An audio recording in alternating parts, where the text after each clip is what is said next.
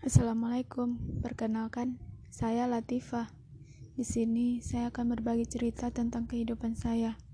Mungkin sedikit biasa-biasa saja, tapi bagi saya ini luar biasa.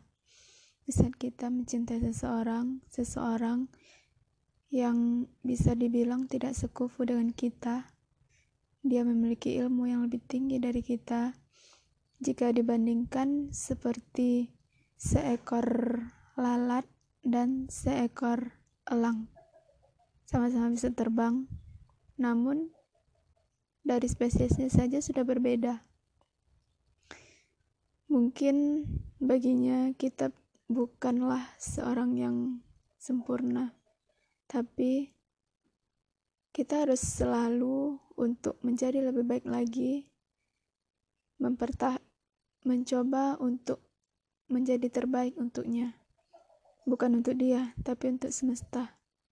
Lakukan yang terbaik, meski belum dikatakan baik. Tetaplah baik, meski banyak orang yang tidak baik padamu. Semangat. Assalamualaikum.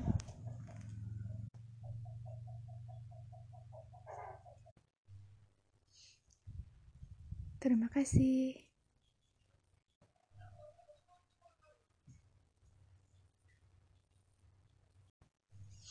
Assalamualaikum, nama saya Latifah. Saya akan menceritakan tentang seseorang yang bisa dikatakan sangat saya kagumi. Nama lengkapnya, kalau tidak salah, Sori Tinggi Ritongan. Beliau adalah seorang hamba Allah yang belum pernah saya temui. Saya kagum dengannya. Saya suka mendengar ceramahnya. Saya senang mendengar suaranya ketika membaca Al-Quran. Setahu saya, dia kuliah di Taida Payakumbuh dan sekaligus menjadi ustadz di pesantren Cibes. Masya Allah, beliau sangat tampan lagi pintar, dan saya yakin beliau adalah seorang pribadi yang taat ibadah dan taat pada aturan Allah. Darinya, dari kontennya, saya belajar banyak. Jujur, saya mulai cinta padanya. Namun, saya sadar diri, saya tidak sekufu dengannya. Seperti yang saya katakan sebelumnya, bahwa saya dan dia bagaikan lalat dan elang. Sungguh, bukan apa-apa. Ada sekali belum membalas instastory saya.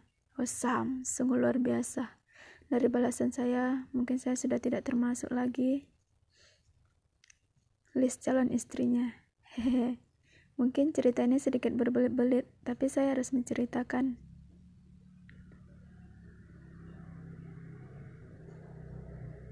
Pagi hari Jumat kala itu saya bersubuh, saya tertidur dan bermimpi dengan beliau. Di mimpi itu saya dan dia begitu akrab. Kami banyak bercerita, dia menasihati dan memberi semangat, tertawa bersama sampai di endingnya ada sesuatu yang mengganggu kami. Entah itu apa, saya tidak tahu. Yang jelas saya mengatakan kita tidak perlu saling mencari, karena pada akhirnya Allah akan mempertemukan kita juga. Setelah itu, kami berpisah, dan saya menyuruhnya berlari, biar saya menyelamatkannya. Entah apa yang menyerang saya, namun dia tidak pergi, dia malah membantu saya. Sungguh, ini kedua kalinya saya bermimpi dengannya. Saya bersyukur Allah mempertemukan saya dengan beliau, walau tidak secara langsung. Saya banyak belajar hal baru darinya. Saya mungkin memang tidak sebanding dengannya.